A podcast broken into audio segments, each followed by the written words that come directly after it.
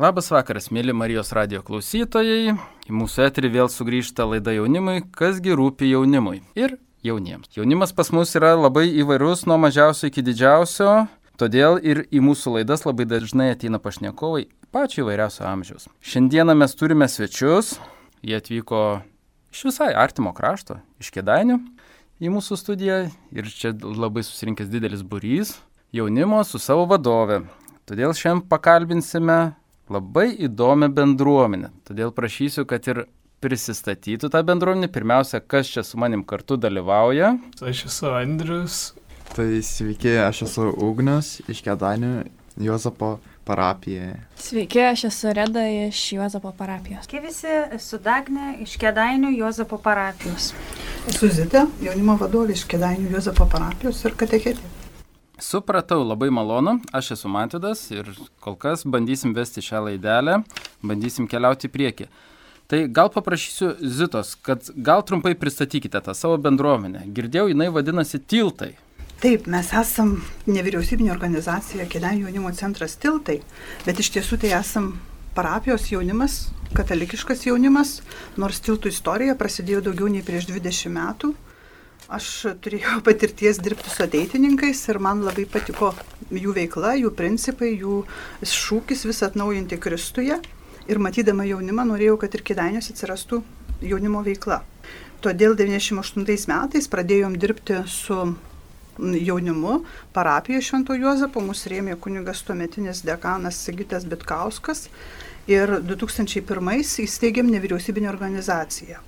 Dabar mūsų veikla tai iš tiesų remiasi krikščioniškom vertybėm, dirbam su jaunimu, susibūrę mokytojai dažniausiai ir jaunimas, rengiam projektus, išvykas, piligriminius žygius, dalyvaujam parapijos veikloje pagal išgalės ir...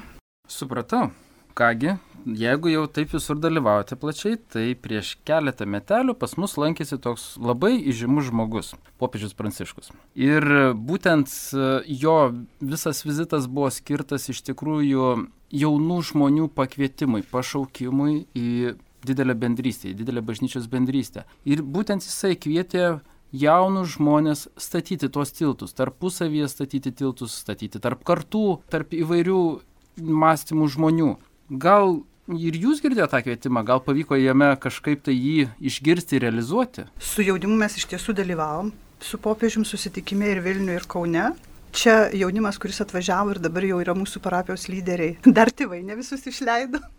Tikrai jie patys gali papasakot, ką mes veikiam ir kokius tiltus statom. Ir tikrai man įstrigęs buvo popiežiaus kvietimas, kad jaunimas turi keltis nuo sofos ir imti žygio batus. Ir tie žygio batai paimti, nes jaunimas būrėsi ir tikrai per metus mūsų renginiuose dalyvauja gal apie 500 žmonių, jeigu taip atskirai po vieną įmant. Pagrindiniai būna susibūrę 10-15 aktyviausių, kurie gali ruošti ir rengti renginius, o mūsų renginius tai gali pristatyti. A, jie net pasiruošę. Taip, Gerai, žino, tada kągi jaunimas, tada pradedam kalbėti, kodėl čia tiek daug tylos.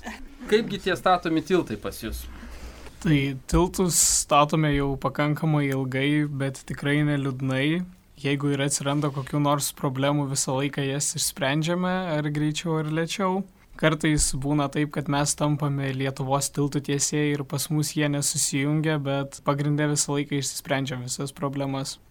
Taigi mes dalyvaujam renginiuose didžiojo penktadienio adoracija, buvo didžioji dalis jaunimo parapijos, meldėmės prie altoriaus, vedėm renginius užtvirtink, tai mes buvom moderatoriais, kalbėjom su jaunimu, šnekėjimas paprastom temom, kalbėjimas apie tikėjimą, kas jas laiko, kodėl jie čia, žaidėm žaidimus. Tai mūsų bendruomenė tiltai rengia vasaros stovyklas. Pernai vasarą vykome į Apytolaukį, ten tvarkėme bažnytėlę, dažėme kryžių, taip pat papašėme Juozapo parapiją žolinėms, bei vykome į Marijampolę ekskursijai, kur aplankėme tėvo Stanislovo koplyčią. Visur mus lydėjo ir saugojo mūsų vadas, palaikytojas kunigas Martinas. Kadangi esu vargoninkė, tai su jaunimu dalyvaujam šventose mišiose kiekvieną sekmadienį 10 val. Gėdame giesmes, taip pat turim ir gruojančių gitaromis. Susitinkame ir šiokią dieną parepetuoti. Bei gėdojimo mišiuose dar jaunimas skaito skaitinius, dalyvauja procesijose, neša baldakimus ar atnašas. Taip pat organizuoja įvairius renginius ar išvykas. Supratau, labai įdomu buvo, jeigu kaip supratau, labai tokios didelės veiklos turite, labai daug užsiemimų ir vis tiek aš turiu turbūt prisipažinti, kad tiltai ne tik jungia žmonės, ne? Jie turbūt perskiria ir labai didelės perskiras, didelius kanjonus, sujungia tai, kas yra skirtingose upių krantuose.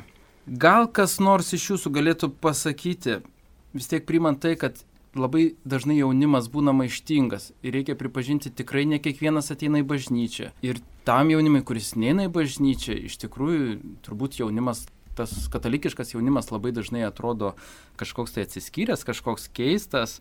Taip susidaro liktais skirtingos grupės, skirtingos komandos, skirtingos stovyklos. Taip, tai yra tikintys, netikintis. Ar jūs turite patirties kažkokios, ar susidūrėte, kuomet jūs statėte tiltą tarp tų žmonių, kurie jau yra bažnyčioje ir kurių ten nėra?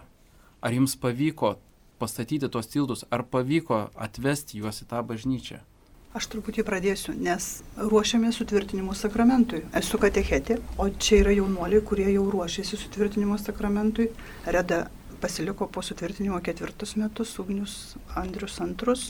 Tai jie tikrai susidūrė, kaip reikia pakviesti jaunus žmonės į parapiją, kaip sudėtinga ir tikrai gali patys papasakoti iš tikrųjų yra sudėtinga privilioti, prikviesti juos, kad dalyvautų pas mus ir eitų sutvirtinimą, nes dažniausiai jie ateina ir sako, tėvai liepia eiti, tiesiog reikia čia pareiga, bet po kiek laiko jie pamato, kad tikrai mūsų veiklos yra gan įdomios ir tiesiog juos sudominam žaidimais galbūt to tikėjimu savo, kai patys liūdėjame, kad tikime Jėzum Dievu, tai tiesiog. Tai iš tikrųjų pagrindinis dalykas, kas mus užkabina, tai draugai, suartėjimas su Dievu. Iš tikrųjų mes nuveikėm labai daug dalykų, pažįstam, vien, pažįstam vienas kitą po truputį, pradedam tikėti į Dievą vis labiau ir labiau, žiūrėti gyvenimą visai kitų kampų, į kurį mes seniau net nebuvom susimastę atsisukti. Andriu, ar tau pavyko dalyvauti tiltų tiesime? Tai iš ties teko tiesti tiltus ir dažniausia problema būna ta, kad jaunimas, kuris nedalyvauja bažnytinėme katalikiškame gyvenime, galvoja, kad tikėti į Dievą tai eiti, melstis ir melstis, melstis, melstis ir dar kartą melstis. Ir dažniausiai būna, kai nori pakviesti žmogų, tarkim, eiti su savimi bažnyčia ar dar kažkur, kas susijęs su tikėjimu, tai paaiškinti jam, kad tenais nebus vien tik tais meldimasis. Dar mes tikrai stengiamės padaryti programas ir darom tokias programas, kad jaunimas patirtų tikėjimą. Labai padeda švenčiausių sakramento adoracija, piligriminiai žygiai, kur tikrai kiekvienais metais dalyvaujam Šiluvoje, bendradarbiaujam su mokyklomis ir kitomis jaunimo organizacijomis, organizuojam mokinių konferencijas mokyklose. Ir skirtas bažnyčiais gyvenimui aktualiems įvykiams, dvi konferencijas organizavom Adeliai Dirsytei paminėti, toliau tikėjimo metams, šventiesiems, kur yra tikėjimo liudytojai, kur mokiniai patys ruošė pranešimus, juos skaitė ir liudijo tikėjimą. Dabar dar vienas labai toks įdomus ir geras dalykas, tai mes bendradarbiaujam su Tibiriados broliais. Jie pastoviai lankosi pas mus kas metai ir mes važiuojam kas met ten. Tai vienas dalykas, ko tikrai laukia visi ir jie mūsų tokie globėjai. Dabar užmėsgiam kontaktus su saleziečiais ir pernai turėjom labai naudingas rekolekcijas Kairos rekolekcijas ir čia yra vaikinai ir reda likę po Kairos rekolekcijų ir jiem buvo labai naudinga. Tai tikrai ir kunigas Martynas, kai atėjo, jaunas kunigas, tikintis ir besimeldžintis, kuris mus globoja, visada atrandam kažkokio taip, kad jaunimui būtų įdomu. Tai tada gal aš dar paklausiu kitą dalyką. Tiesite tiltus, atsivedate jaunimą, o jūs patys kaip patekote į tiltus? Kaip čia tie tiltai atsirado jūsų gyvenime? Kas jums parūpino plytų? Tai aš buvau pakviestas mūsų mokytojos Zitos į maldos grupę ir visas tas kelias mano prasidėjo nuo maldos grupės. Penktoje klasėje. Taip. O kurioje tu dabar? Aš dabar devintokas. Patirtis nemažai jau. Ugniau. Mano kelio pradžia prasidėjo irgi nuo penktos klasės. Aš atėjau į tikybą galvodamas, kad mes čia visi melsimės. Mane įkalbino mokytoja Zita, kad pasirodyčiau Iš tikrųjų, atėjęs aš net ne, nesupratau, kas vyksta. Galvojau, kad mes vien tik melsimės. Pradėjome kalbėti, šokti, dainuoti. Iš tikrųjų, mane taip užkabino ir iki šiol net nežinau, kodėl aš esu čia man kaip Dievo dovana. Na, mane Zita nekvietė, iš pradžių jos net nepažinojau, nesu iš Kedainių ir nesimokiau, aš mokiausi išėto ir turėjau tikybos mokytoją Liną, kuri mane pakvietė eiti sutvirtinimą. Nieko daug nesitikėjau prieš važiuodama sutvirtinimą ir tikrai negalvojau, kad liksiu bažnyčios bendruomeniai, tačiau po metų supratau, kad jaučiuosi kaip namuose iš tikrųjų ir kad bendruomenė yra kaip šeima. Aš atsidūriau visai netikėtai iš tikrųjų, net nežinojau, kad yra tokia organizacija, kol manęs nepakvietė dirbti į Juozapo parapiją kaip vargoninkė, būtent su jaunimu. Tai pradėjus dirbti, susipažinus su Zita, su veikla visa kartu su jaunimu, taip ir atsidūriau toje organizacijoje ir kol kas sėkmingai labai ir dirbame kartu.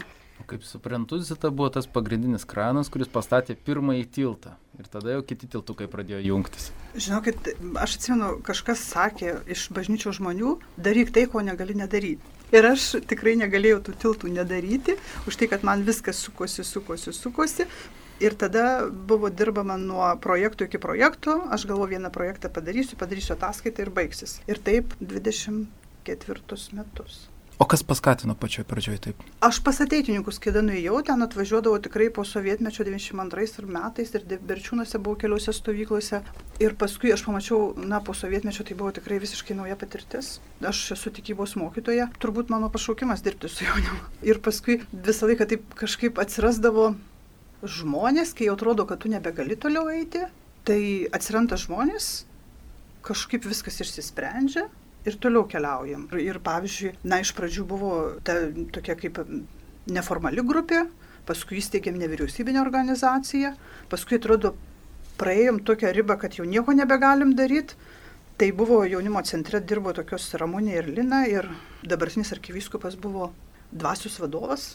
Aš jį kažkaip pasikviečiau Sakau, nebegaliu. O jisai ten buvo mūsų labai daug jaunų žmonių, 85, jisai suskaičiavo, kad buvo 85 valdantys balsą arba instrumentus. Ir jis pasakė tokią programinę kalbą, kas yra tavo numeris vienas gyvenime. Na ir, ir paskui kažkaip į tą, kaip sprendė, kad numeris vienas yra Jėzus Kristus, tai reikia kiekvieną dieną atsakyti, ar iš tiesų taip yra. Paskui kažkaip atsirado kunigas Algis Akelaitis, Na, pas mus visi tokie karšti būna.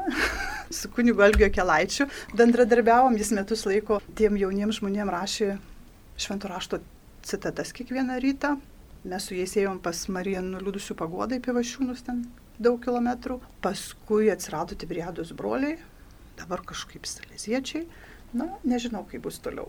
Tiesiog jaunimas ir vis tiek tai yra pirmas dalykas, tai yra santykis su Dievu, santykis su pačiu savim ir santykis su aplinka ir su bendruomenė. Dievas mus laiko, veda pakol kas, matyt, per 20 daugiau metų e, reikėjo pakeisti du renginius, visi kiti kažkaip buvo pataikyti. Tai irgi kažkaip rodiklis, kad gal pataikom. Gal vis tik Dievulis jums padeda. Tai jau tikrai. Ačiū jam ir visiems rėmėjim. Ar galima būtų sakyti, kad katalikiškas tikėjimas tiesia tilptus tarp žmonių? Turbūt jūsų veikla kaip ir parodytų tai. Tačiau, ar yra dar kas nors, kas tiesia tos tiltus tarp jūsų visų? Ar yra kažkokia kita bendra veikla? Ar kažką esate atradę, kaip tie jūsų draugai, ar jūsų draugai yra prisijungę prie jūsų? Ar jums pavyko nutiesti tokius tiltus, kad jūsų draugus atsivesti? Aš tai atsivedžiu sesės. Iš tikrųjų, tai pati pradžia buvo labai sunki. Kai manęs paklausdavo, ką veiksi sekmadienį, ir aš atsakydavau, einu į mišes. Ir klasiokai, draugai žiūrėdavo mane kažkaip labai keistai. Tu eini į mišes, kam tu jos? Tu jau praėjęs atvirtinimą, viską praėjęs ir kam tu eini? Ir kai aš papasakojau savo klasiokam, ką aš veikiu, ir iš karto jie prisijungė prie mūsų sutvirtinimo grupės. Tai labai smagu, po truputį vis artėjom prie bendros šeimos. Andriau, o pas tave yra pasitaikius tokia situacija, kad tu atsivestum draugą į tiltus? Tai iš ties draugo ne, vedžiausi dar anksčiau broli, bet dabar brolis truputėlį atsitraukė ir pagrindė mane visi vesdavos, kai norėdavau nuklysti. Liūdna. Bet iš tikrųjų, vat, kuo puikiausias Dievo veikimo pavyzdys, ne? Galiausiai vienai par kitaip jis atėjo. Mes turėtumėm tuo džiaugtis. Kokį dar idėjų turim? Tai manau, pirmiausia būtų tai tiltas ne tik tarpusavį, bet pačio savęs tiltas ir tarp manęs ir Dievo būtų. Antrasis tai tilto tiesimas būtų tai tarp manęs ir kito, tas vienijintis bendras tikslas, panašios vertybės, bendradarbiavimas ir svarbiausia, manau, pasitikėjimas vienas kitu. Taip pat yra labai svarbus santykis su visuomenė. Nemažai bendraujame su Jonavos katalikiškų jaunimo centru Vartai ir jų vadovė Inga Petrikoninė. Vadinasi, daug turi dar ir tokių draugų, grinai kolegų iš kitų parapijų. Ar organizuojate bendrus renginius? Taip, mes dalyvaujam ir jie dalyvauja, mes taip ir pasitarėm, pasigodžiam. Pasiskundžiate kai kada? Taip, būtinai. Dažniausiai reikia pasiskūsti. Mes pratę skūstis. Todėl ir kitas klausimas yra vėl. Šį kartą paliesime įdomesnę temą, tai yra labai artimą aplinką, savo šeimą. Dažniausiai mes visada kalbame, ypač paskutiniu metu yra labai populiaru kalbėti labai daug apie šeimą, Ir būtent e, mes visi kalbame apie tai, kad šeima yra pati didžiausia meilė, tai yra patys nuostabiausi žmonės, kad tai yra sąjunga. Bet turbūt realybėje mes dažniausiai susitarėm, kad tai yra vieta, kur vyksta daugiausiai konfliktų. Kur iš tikrųjų yra kuriami nesaitai, o jie kaip tik yra sudeginami, sunaikinami ir statomos tvoros tarpusavyje. Labai dažnai tie pykčiai kyla turbūt iš asmeninių smulkmenų, iš kiekvieno charakterio, iš vaikų augimo, pasipriešinimo tėvams ir ne tik, broliams irgi, seserims irgi.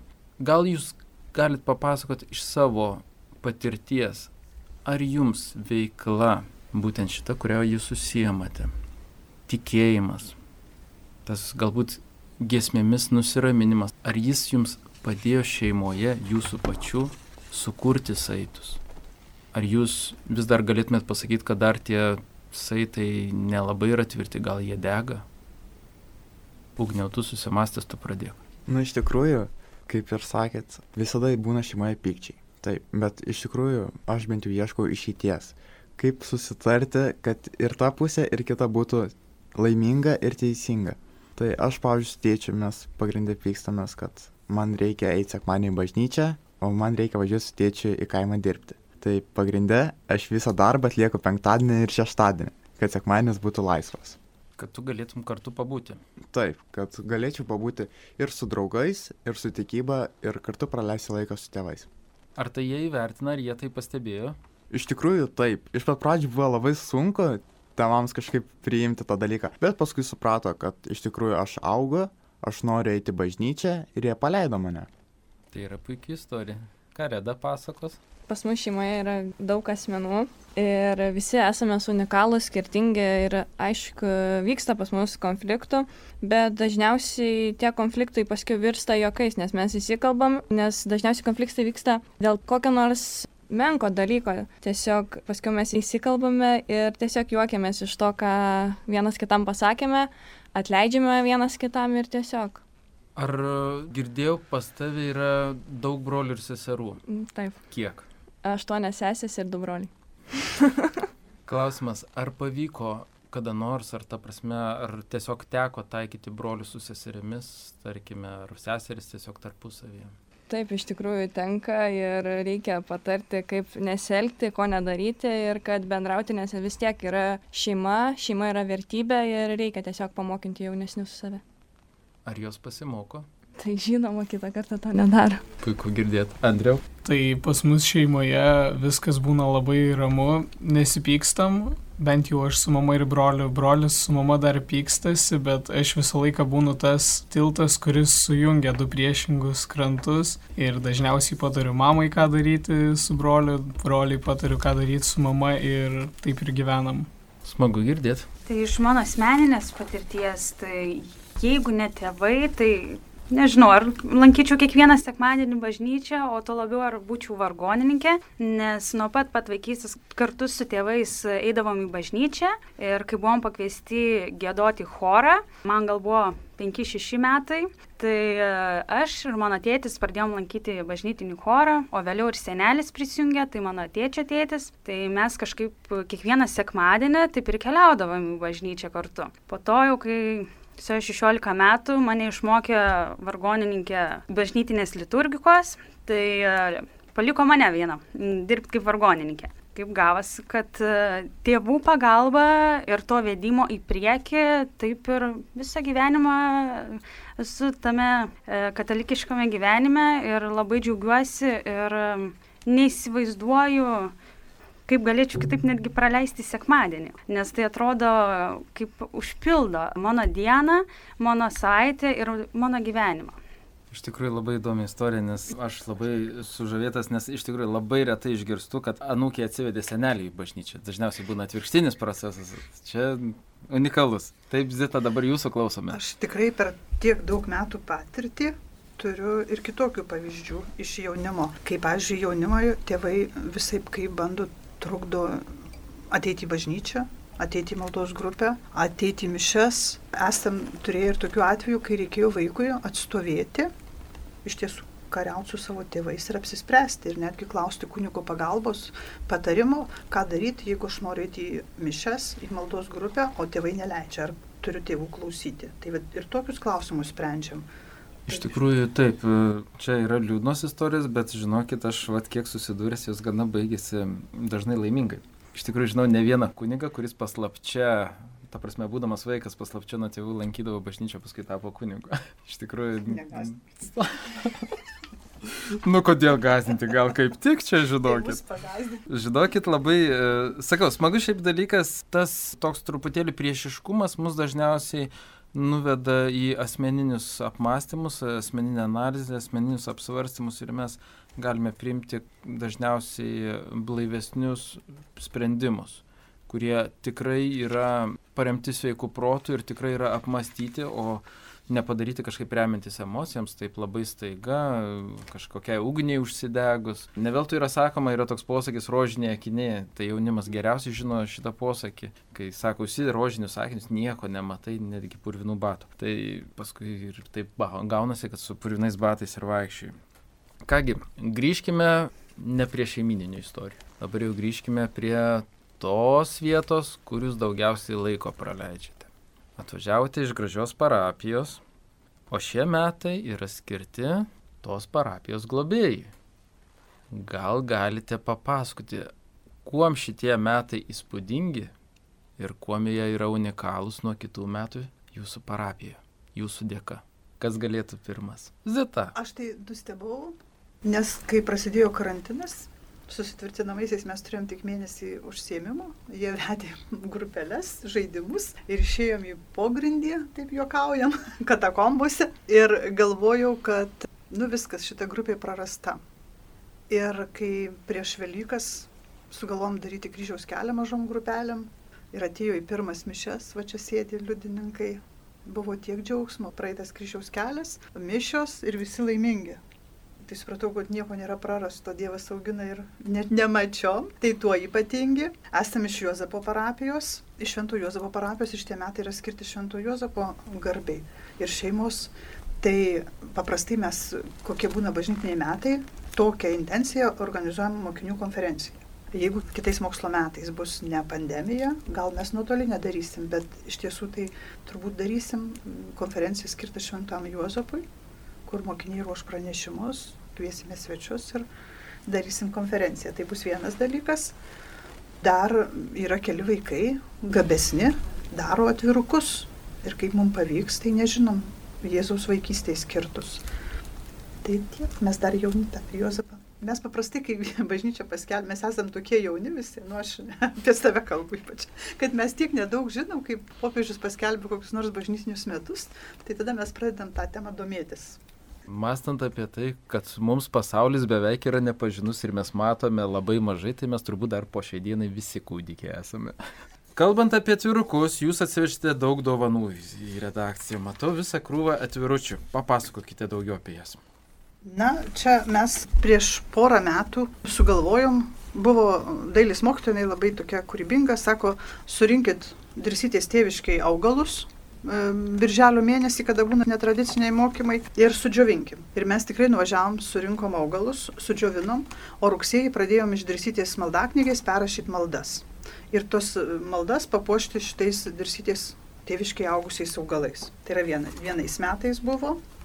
Kitais metais, pernai, rudenį, skubėjom padaryti plenerą dailės nes čia buvo jau pandemija ir mes labai skubėjom ir atvažiavo mokiniai iš trijų mokyklų, iš Kedainių, Lietuvos sporto universiteto Kedainių šos progymnazijos iš Dotnuvos ir Šėtos. Ir mes nupiešėm dirsytės tėviškę ir išleidom kalendorių ir padarėm skirtukus. Ir kadangi buvo paskelbti Juozapo metai, tai čia labai greitai padarėm vieną atviruką kalėdinį Juozapo metams skirtą. Mes bandom prisiliesti labai paprastai bet pajaustų tą, išgyventų, nes dirsytė tik mūsų žemėtė ir aš, pavyzdžiui, kažkaip skeptiškai žiūrėdavau į, į tuos visus, į visus šventuosius ir netyčia pas mane papuolė šimtas paveiksliukų su dirsytės atvaizdu. Aš juos padėjau į pirmą stalčių ir palikau. Ir galvoju, nu čia dabar dar aš juos dalinsiu. Ir kai atėjo rugsėjo mėno, aš radau tuos paveiksliukus, pradėjau mokiniam pirmą pamoką, nu reikia kažkaip intriguoti, pradėjau skaityti dirsytės, supažindinti su dirsytė ir skaityti maldą, supratau, kad veža. Nu ir tada prasidėjo. Tai faktiškai jūsų parapijos globėja tapo dirsytė. Aš bent jau tai gal dirsytė tikrai melžiuosi ir, ir prašau, kad jinai. Ar užtarė? Užtarė. Nu tai užtarė, užtarė jeigu mes davės. Tikrai užtarė. Ir traukia. Netgi, pažiūrėjau, liudijimas mūsų buvusios administracijos direktoriaus pavaduotojus Mikolaitėnis, kadangi mes su ją pradėjom dirbti su jaunimu prieš ten daugiau 20 metų, tai jinai man sako, nu daryk, ką nors dirsytei. Nesako, aš, pažiūrėjau, važiuodama, nes buvo jinai išėjito į seniūnę, sako, kai man būna bloga diena, aš užvažiuoju dirsytės tėviškai, aš ten pabūnu ir aš atsigau. Kažkaip kėdainiai turi labai daug šventų tokių vietų. Paberžė. Aš atsimenu, pernai buvo kaip tik kėdainių mūgė, buvau kėdainiuose, apėjau, tai man iš vis pasirodė kažkaip tais kėdainiai labai toks bažnytiškas ir katalikiškas miestelis, bent jau centras. Nu gal tik pas centras. Gal ekumeniškas, labai daug bažnyčių. Nu, Konfesijų. Taip, taip, konfesijų irgi daug, bet man tarp kitko irgi labai patiko centras. Iš tikrųjų, tuo metu mes kaip tik vyko Liudo Mikalausko organizuojamas festivalis, tai tuo pačiu apsilankėm ir paberžį, taip pat jūsų pažįstamas kunigas Martinas laikė ten aukojo mišes, tai iš tikrųjų buvo nuostabi savijauta. Tai turbūt reikia pripažinti, kad visus jūs lydi kažkokia tai malonė mūsų lydi, ar ne? Jūs lydi. ir veikia, bet žinokit, malonė, kaip ten kažkas sako, malonės neimkite veltui. Žinokit, už ją reikia sumokėti. Tikrai, jau tikrai reikia sumokėti. Ir tada kitas klausimas. Kaip jūs sumokate? Kokį indėlį įnešate į tą tilto statybą savo? Kas galėtų pirmas? Na, va, paaiškės, kad niekas nieko neįneša, niekas nieko nestato visgi. Man atrodo, kad aš laikausi principo. Pirmiausia, reikia privilioti, paskui pasitikėti, vienu žodžiu padrasinti, palydėti ir leisti veikti. Ir, ir šitas dalykas pasiteisina. Ir tikrai na, patys papasakokit, ką daro. Tik tai nepasakokite visokių viešų čia mums reikalų renginių, mes norim jūsų pačių žodžių. Papasakokite savo sekmadienį. Ko jis... Mišiuos ir valgiam pizzas. Labai, tarp kitko, įdomis, vat, į, pasidarom savo įdomų uždavinuką. Papasakokite kiekvienas savo sekmadienį, kaip jisai prasideda. Praeitas sekmadienis buvo kelionė į bažnyčią. Ne kiekvieną sekmadienį mes galim susėsim atvažiuoti, tačiau kaip galim dažniau apsilankom ir dabar, kai yra pribojimai, irgi ne visada galim. Bet buvom mišiuose, gėdojome ir paskiau buvo mums kaip pamokėlė sutvirtinimo sutvirtinamiesiems, tai pasikalbėjome. Zita biški pagazino sutvirtinamuosius dėl egzamino. Net nežinau, ir po to linksmai leidom laiką, bendravom visi. Ugniau dadė, kokia buvo pica? Oi, picų buvo daug, visos skanės. Jūs dažnai pizzas valgote? Ne, labai retai. O ką dažniausiai? Bandelės. Bandelės. Kokiu skoniu? A, mūsų. Kokia mėgstamiausia yra? Visos parapijos turbūt mes taip nusprendėm, kad bandelės tai su cinamonu yra pačios skaniausios. Kai Zita mums sako dėžėmis. Tai žiūrėkit, jeigu dėžėmis tenka užsisakyti, tai gal laikas atidaryti savo kepyklą katalikišką. Subankrutavo tokia. supratau, dabar jau supratau, viskas aišku pasidarė. Valgė visas bandelis, dabar tik pizzas kepam. Nu, va, tai taip ir gaunasi, nebeliko cinamono, visas cinamonas suvalgytas. Kas buvo prieš pizzas ugnio? Kaip visada pas mus būna myšias, mes gėdam. Ar pas jūs yra adoracija, tarkime, kažkokia papildoma? Kas eina sutvirtinimą, kiekvieną sekmadienį arba prieš mišias, arba po mišių darom adoraciją būna susitikimai, pasikabam, aptariam, ką nuveikėm, kam skirtas šis sekmadienis. Tai kaip ir viskas. Kada Agnė papasakos? Kaip ir minėjau, kadangi kaip esu vargoninkė, tai dasidedu tuom, kad mokinu jaunimą gėdot gesmes, psalmes, tai kartu ir adoruojam, ir gėdame, ir šloviname. Tai tikriausiai tie galėčiau dasidėti. Kiek... Dagne, kada prasideda rytas vargonininko?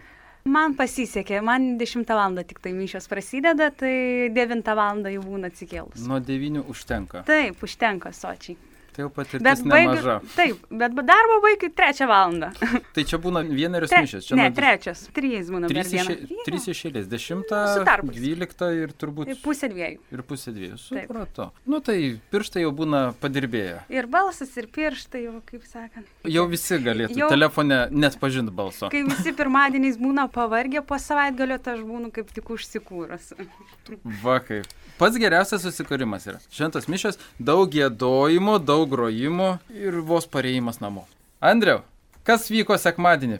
Dabar tu išduok, kokios ten buvo bulkutės ir picos. Tai buvom užsisakę daug picų, kad prikviesti jaunimo daugiau. Ir kaip pavyko prikviesti? Ar pavyko? Taip, iš ties atėjo pakankamai daug žmonių ir gerai praleidom laiką ir visi linksmai pabuvom. Iš tiesų mes turėjome renginį užtvirtink, kuris mums tikrai pasisekė. Mes pirmi arkiviskupijoje tokį renginį turėjom ir vienu žodžiu, ir komanda ten buvo laimėtojų. Tai pirmiausia buvo picos laimėtojams skirtos, bet klebonas vaišino visus, nes toks renginys buvo, kuriam nebuvo pralaimėtojų. O šiaip tai sekmaniais mes paprastai, kada ne karantinas, renkamės mišiuose, o paskui susirenkam parapijos namuose ir turim užsiemimus. Na, iš tiesų tie mūsų užsiemimai nebūna tokie akademiški, mes greičiau paprastai ir draugiškai. Tai tikrai aš malda, kadangi būna neįpratę jauni, tai maldas, kada rengiamės sutvirtinimui, tai labai stengiamės kuo greičiau padaryti alfa savaitgalį, nes jis keičia visą mąstymą ir supratimą ir pratinam prie maldos. Ir tos asmeninės maldos, tai vienu žodžiu, labai pavyko didįjį penktadienį, kadangi parapijoje vyko visą parą adoracija. Tai į adoraciją kviečiau, kad ateitų kaip ir karantino metu nesusirinktų labai daug žmonių. Bandėm visai pat kalbinti, kad e, per daug nesusirinktų. Ir atėjo net 19 žmonių. Ir diena atėjo. Ir vakare. Ir tėvai atvežė ir parvežė. Paprastai tėvai atveža ir parveža į būrelius. O čia aš tikrai džiaugiuosi ir dėkoju tėvam, kad jie atvežė į adoraciją ir parsivežė. Ir nuo 9 iki 12 adoravom. Visi galėjo pasikalbėti su kunigu, prieiti iš pažinties. Tai, tai buvo tikrai toksai liudijimas labai gražus ir tikrai Dievo veikimas. Nemenkas. Po Nuostabu. viso karantino. Nuostabu. 19 žmonių. Yra iššūkis. Taip. O jeigu iššūkis, tada pakalbėkim toliau. Ne tik picos gyvenimas yra. Ne tik bandelės, ne tik draugiškai pastatyti tiltai, bet yra ir iššūkiai. Jaunimas dažniausiai susiduria su iššūkiais. Kiekvienas ir iš jūsų esat susidūrę su tais iššūkiais. Nežinau, ar norėsit apie tai kalbėti. Turbūt geriausia būtų klausti, ar jūsų draugai susiduria su dideliais iššūkiais. Ar jie dažnai pas jūs ateina ir ką jūs jiems galite pasakyti. Su kokiais iššūkiais dabar susiduria jūsų draugai, jūsų bendramžiai. Gal tada pradėsiu aš, tai ne tik mūsų draugai ir bendramžiai, bet manau ir mes susidurėme su labai dideliu kiekiu pagundų kasdienybėje. Ir iš ties atsilaikyti ir nenuklysti nuo pagrindinio tavo kelio ir būna didžiausias dienos, savaitės, metų ir gyvenimo iššūkis. Gal galėtum truputėlį detalizuoti, kokie tie iššūkiai yra. Tai yra pagundos tos. Tarkim, būna, kad netgi ir tais pačiais sekmadieniais draugai tau pasiūlo nueiti ir išgerti. Man yra tai buvę, bet, nu, aišku, nesutinki. Ir va tokie va iššūkiai, nueiti išgerti, dabar parūkyti būna ir visa kita. Ir va nenuklysti, tarkim, tas pats iššūkis būna negulėti lovoje per mišęs, o nueiti į bažnyčią. Dabar jau mano kasdienybė tai yra, bet anksčiau būdavo, kad galvoji, nu, vat šis sekmadienis yra toks man ypatingas, rytoj į mokyklą daug darbų ir gal aš neįsiu. Supratau, ugniau. Tai aš galvoju, kad aplamai yra didžiausias problemas. Tai patyčios, o kitų žmonių neprieimimas. Būtent atstumėjimas kitų žmonių. Tai būtų... Aš kaip Andriui labai pritariu, kad nepamesti to kelio į Dievą. Vat šitą siekti iki galo. Kad neiškreiptum. Iš tikrųjų, vat kad palaikytą kelią yra tam skirti geri draugai. Pavyzdžiui, kaip mes parapijos savanoriai, mes vienas kitą palaikom, mes tikrai susirašom, vienas kitam padedam ir nepaliekam kitų nelaimėje. Tai manau, sunkiausia yra nepaleisti savo siekiamo tikslo, nes būna, kad kelias yra grumblėtas ar akmenėtas, bet vis tiek reikia eiti tikslo link ir nesustoti ar nenusukti posūkio ir žinoti, kad Dievas visada yra šalia.